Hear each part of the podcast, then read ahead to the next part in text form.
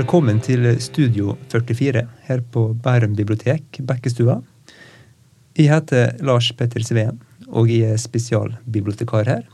Og med oss i dag så har vi Britt Bildøen, som har vunnet flere litterære priser. Blant annet Peterlytterens romanpris. Og du har vært nominert til Brageprisen og den internasjonale Impact-prisen. Velkommen hit, Britt. Tusen takk. Din forrige bok var romanen 'Tre veger til havet'. Mm -hmm. Og i høst så er det ute med noe helt annet, vil jeg påstå. Eh, med sakprosaboka 'Over land og hav'. Ett år med trekkfugler. Og det er virkelig ett år med trekkfugler, for du reiser land og strand rundt og følger fuglene. Hvor kom den boka her ifra?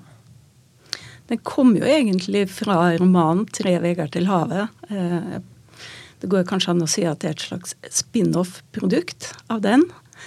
Eh, for i 'Tre vegger til havet' så plasserte romanpersonen min i et landskap eh, med en fuglestasjon, og hun jobba med ringmerking av fugler. Mm.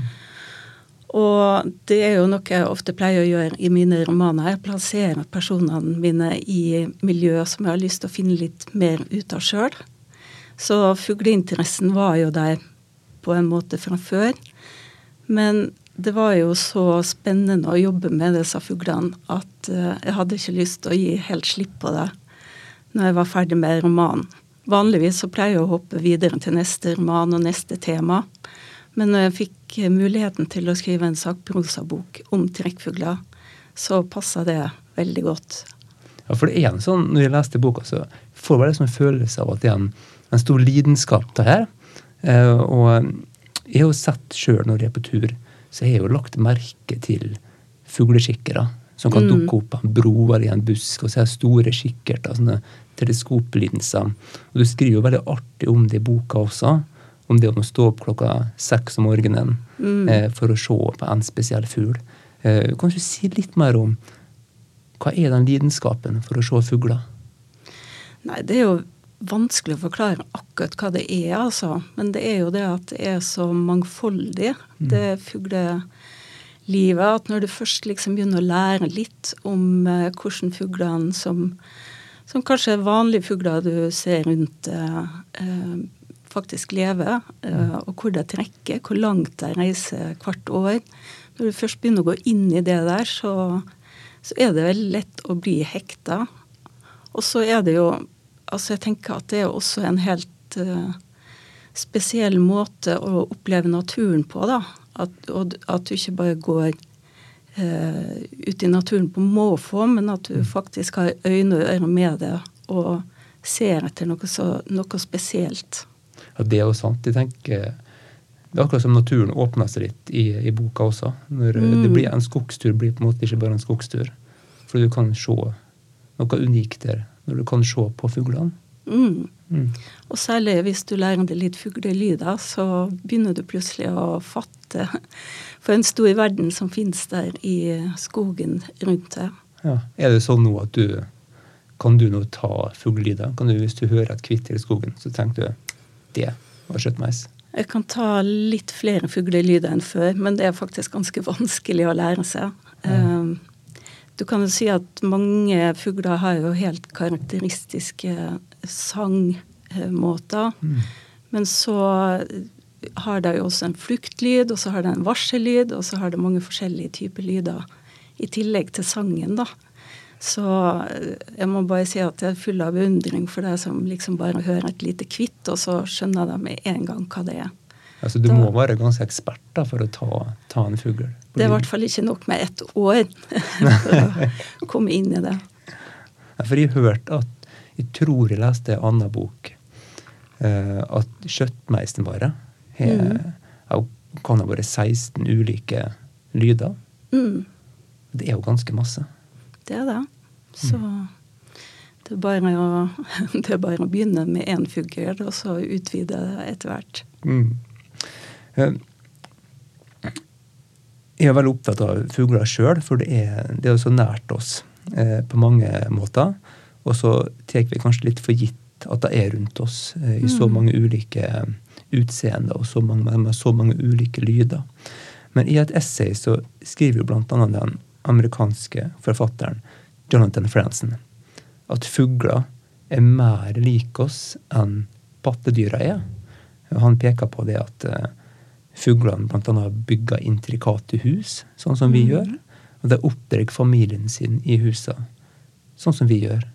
Er fuglene mer lik oss enn det vi egentlig tror? Jeg har jo tenkt litt på fuglehjerner når jeg har holdt på med trekkfugler, fordi at vi noe av det folk eh, undrer seg mest over, er jo hvordan de klarer å finne fram. Mm. Og hvordan de klarer å finne tilbake, gjerne til samme sted der de ble klekka ut. Eh, og hvordan de klarer å orientere seg i hele den store og vide verden. Og når du ser en sånn liten sangfugl på kanskje bare liksom 10-12 gram, så er det vanskelig å tenke seg at den bitte, bitte lille fuglehjernen skal klare å romme så mye eh, navigasjonsutstyr som, som skal til. Det er ganske fantastisk. Eh, men fugler har faktisk evnen til å kaste ut nerveceller i hjernen og erstatte dem nye etter behov. Så like før de skal til å trekke, så hiver de kanskje ut det de trengte for å, å skaffe mat til ungene sine og sånne ting. Og så laster de på med nye nevroner som kan hjelpe deg til å finne fram. Så egentlig så har det en mye større hjernekapasitet enn det vi er vant til å tenke på. Så det, det du, altså akkurat det du sa nå, mm -hmm. sier du da at trekkfugler kan gjøre hjernen sin mindre? Ja, på sett og vis. Altså, Trekkfugler er jo avhengig av å ha en så lett, uh, være så lett utstyrt som mulig. Så jeg hiver alt jeg ikke trenger over bord, og så kjører jeg på. Det er jo helt, helt utrolig, må jeg bare si. Ehm, da kommer vi litt inn på et spørsmål som jeg tenkte å stille eh, det seinere. Det med at eh, det er så mange historier i boka eh, om ulike fugler. Og ganske fantastiske historier med detaljer som jeg aldri kunne tenkt på. Jeg kunne aldri dikta opp eller fantasert om det her sjøl. Blant mm. annet det du sa nå om at trekkfugler har mindre hjerne enn fugler som ikke trekker. Eh, er noen sånne fantastiske detaljer eh, som måtte bergtok det sjøl når du begynte å, å undersøke fuglene? Var noe som du liksom tenkte at oi, det kunne jeg aldri ha tenkt på? Mm. Ja, absolutt. Altså, eh, det med hjerneforskning er jo én ting. En bør nesten være fysiker for å forstå det. Eh, men eh, å bare liksom vite at Ja, for eksempel for å ta den store gåten gjøken, da. Mm. Den, vi er jo egentlig litt sinte på gjøken fordi at den er en sånn Den utnytter andre fugler, og du har sett for du disse bildene av små sånne rødstruper som driver og mater en kjempesvær gjøkunge. Mm. Ja, for gjøkene bruker å, å, legge egg i andre sine reir, ikke ja, sant? det gjør mm. det. Og gjøkeforeldre det er jo over alle hauger da, når denne ungen blir klekt. Mm. Så han får jo alle møte foreldrene sine. Og likevel da så vet han at han er en gjøk. Han vet at han skal si ko-ko, og han vet at han skal reise til Kongo, for det er dit gjøkene drar om vinteren. Mm. Så det er jo en sånn ting som har opptatt forskere gjennom mange, mange år, da. Um, og, og ja. Det har jo funnet ut at eh, det handler både om genetikk, at, du, at det er på en måte utstyrt fra fødselen av med DNA som forteller deg hvem det er, og hvor det skal.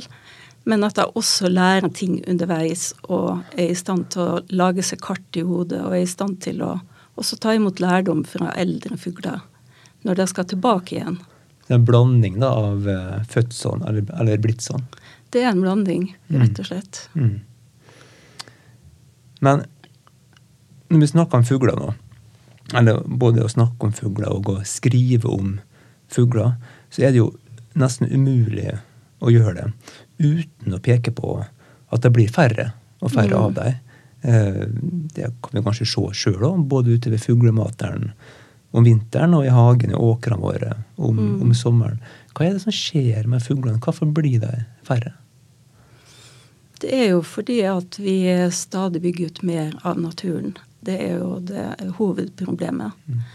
Eh, både at vi bygger ut, og at vi, eh, jordbruket blir intensivert. At vi bygger ut i fjellheimen med hytter og, og vindmøller og industri og alt mulig. Og så har vi klimaendringene som liksom kommer på toppen da, av alle de utfordringene som fuglene har fra før. Og hvis du flyr f.eks.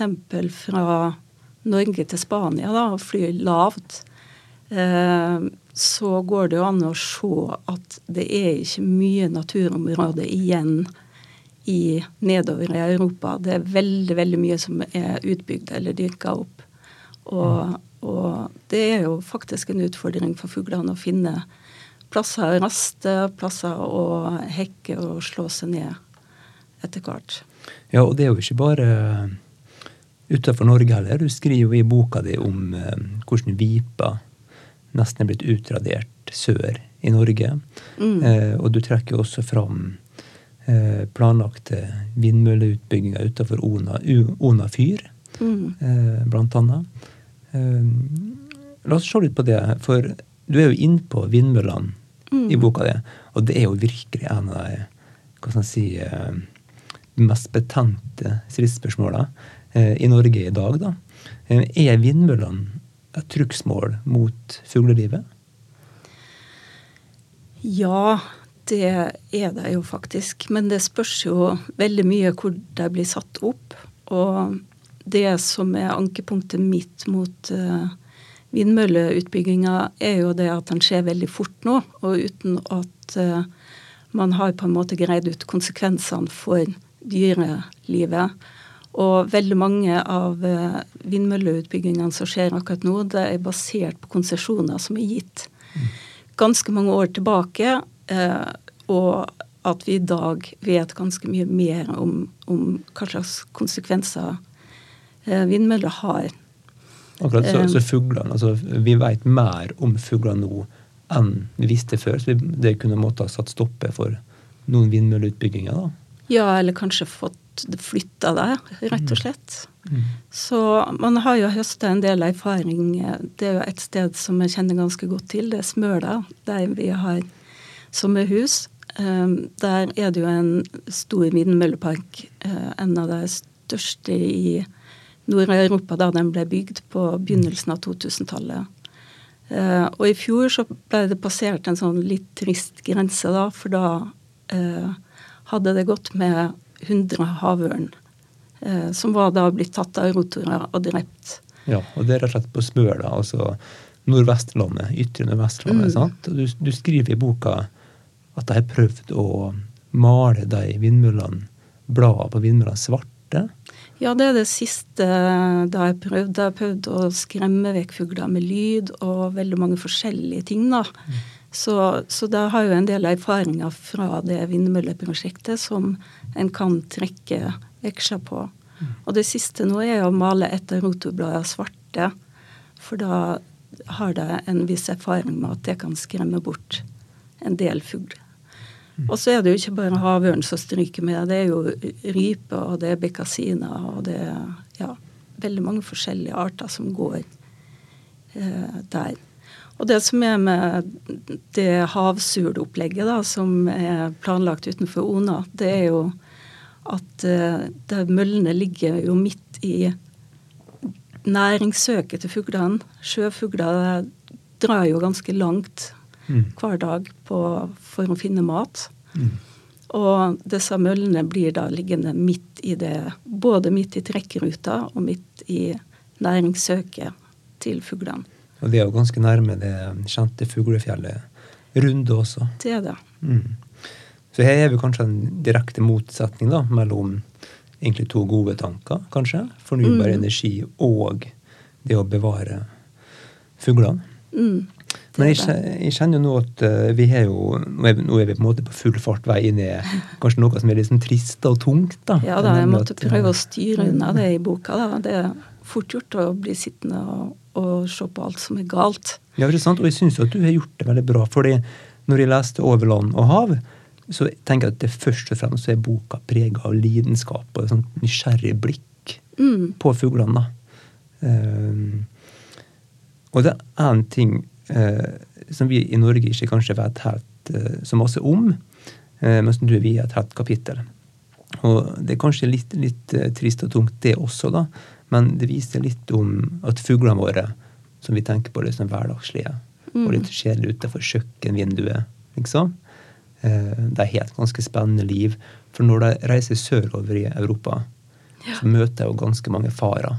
Kanskje du sier litt om hva, som, hva de kan møte på ferden sin sørover? Ja, jeg har jo allerede Altså, du har jo alt det naturlige med vær og vind og sånn, og så er det klimaendringer, og så er det stadig utbygginger av naturområder. Og i tillegg til dette så skjer det også en utstrakt jakt på småfugler eh, i landet rundt Middelhavet, først og fremst.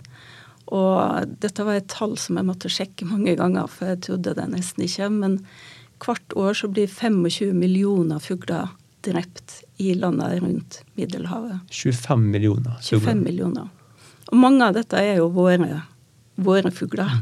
De som skulle komme tilbake og sunge for oss om, om våren. Men hva, hva er det som skjer?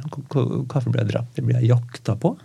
Det blir jakta på. En del er ren sportsjakt. En del er rett og slett eh, at fugler blir regna som delikatesse og brukt i forskjellige tradisjonelle matretter. Og så er det jo fugler som blir fanga for å bli burfugler.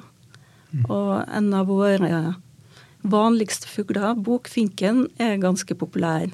Og der driver de jo til og med i Belgia og har sangkonkurranser med bokfinker. Så der kan en, eh, en god sanger være verdt ganske mange euro. Jeg kjenner jo jeg blir både trist og litt stolt på samme tid. Litt stolt fordi at det er våre fugler som bokfinken kan være så unik, men også veldig trist for at jeg, jeg blir tatt på den måten her, da. Men det jeg også prøver å fortelle en del om, da, det er jo forskjellige tiltak som er blitt satt i gang for å redusere denne artstapet som vi har, da, og den, det bestandstapet som vi har.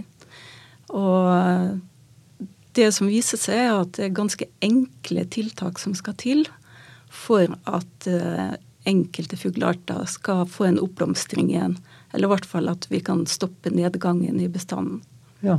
Hvilken type tiltak kan det være det, da? Eh, EU har jo ganske strenge regler som etter hvert eh, blir fulgt opp av, av, av europeiske land. Eh, og blant annet så har vi jo hatt en historie med en liten spumefugl som heter hortulan. Eh, som franskmennene holdt på å spise opp for oss. eh, det er en liten fugl som eh, har blitt betrakta som en stor delikatesse i Frankrike. Da fanga den og feita den opp, drukna den i armagnac, sprøsteiken, og det er altså mat for presidenter og fint folk. Da spiser de gjerne i sånn tradisjonelle måltid der de spiser fuglen under en hette for å, ja, for å beholde aromaen og sånn. Ja, og hvor, hvor, hvordan, hvordan, hvor stor er det? Er det en kjøttmeis? Er det en skjæretype størrelse? Ja, du kan tenke at det er sånn kjøttmeisstørrelse, eller Yes. vanlig spurvefugl. Ja. Så det er ikke stor. Um, så det er jo rart å tenke på at det skal være en sånn ettertrakta rett. Men det feiter han også opp, da. Sånn at brystet blir ganske kraftig før de spiser den. Og det har vært- det lang tradisjon for i Frankrike. Det er det lang tradisjon for, og det franske jegerforbundet har nekta å etterfølge påbud om å slutte å, å skyte og, eller fange og spise hortulan, fordi de mener at det er en kraftig bestand i Øst-Europa. Eh, Så det gikk med på da en eh, test med noe som heter lyslogger, som er en sånn bitte, bitte liten dings som du kan feste på fugler for å finne ut hvor de trekker. Eh, og disse forsøkene da viste jo da at det var de skandinaviske hortulanene som ble fanga sør i Frankrike. Akkurat, det var vår, Så altså. Det var våre fugler. Så måtte faktisk Jegerforbundet gi seg, og nå er hortulanjakt forbudt. Så det er jo en lykkelig utgang på den historien. Så det viser jo det at uh, det nytter å, å, kjempe imot. Og det er jo noe av det som jeg syns er veldig fint med fuglemiljøet. At det er så mange veldig engasjerte, dedikerte folk som virkelig står på for å både liksom kartlegge eh, hvor mye fugler som finnes, og hvordan det står til meg da, Og også eh, komme med forslag til hva en kan gjøre for å hjelpe. Mm. Mm. Det er jo utrolig spennende historier eh, om våre nære fugler. Og det er, som vi sa i stad, en veldig eh, engasjerende bok å lese. Eh, nå helt til slutt så må jeg spørre et spørsmål før vi runder av her. Og det er at jeg har jo, alle sammen har jo sin egen favorittfugl. Når jeg var mhm. liten, så var det selvfølgelig Dompap. Det hadde jo så fint navn, og så var den så rød og fin. Og når du har blitt voksen, så er det kanskje kjøttmeisen, da, med alle ja. ulike lokkesignaler. Men da må jeg spørre du, det er Britt Bildøen, har du en favorittfugl? Er den du har fått nærere forhold til nå? Eh, ja, det er faktisk flere, så det er veldig vanskelig å svare på.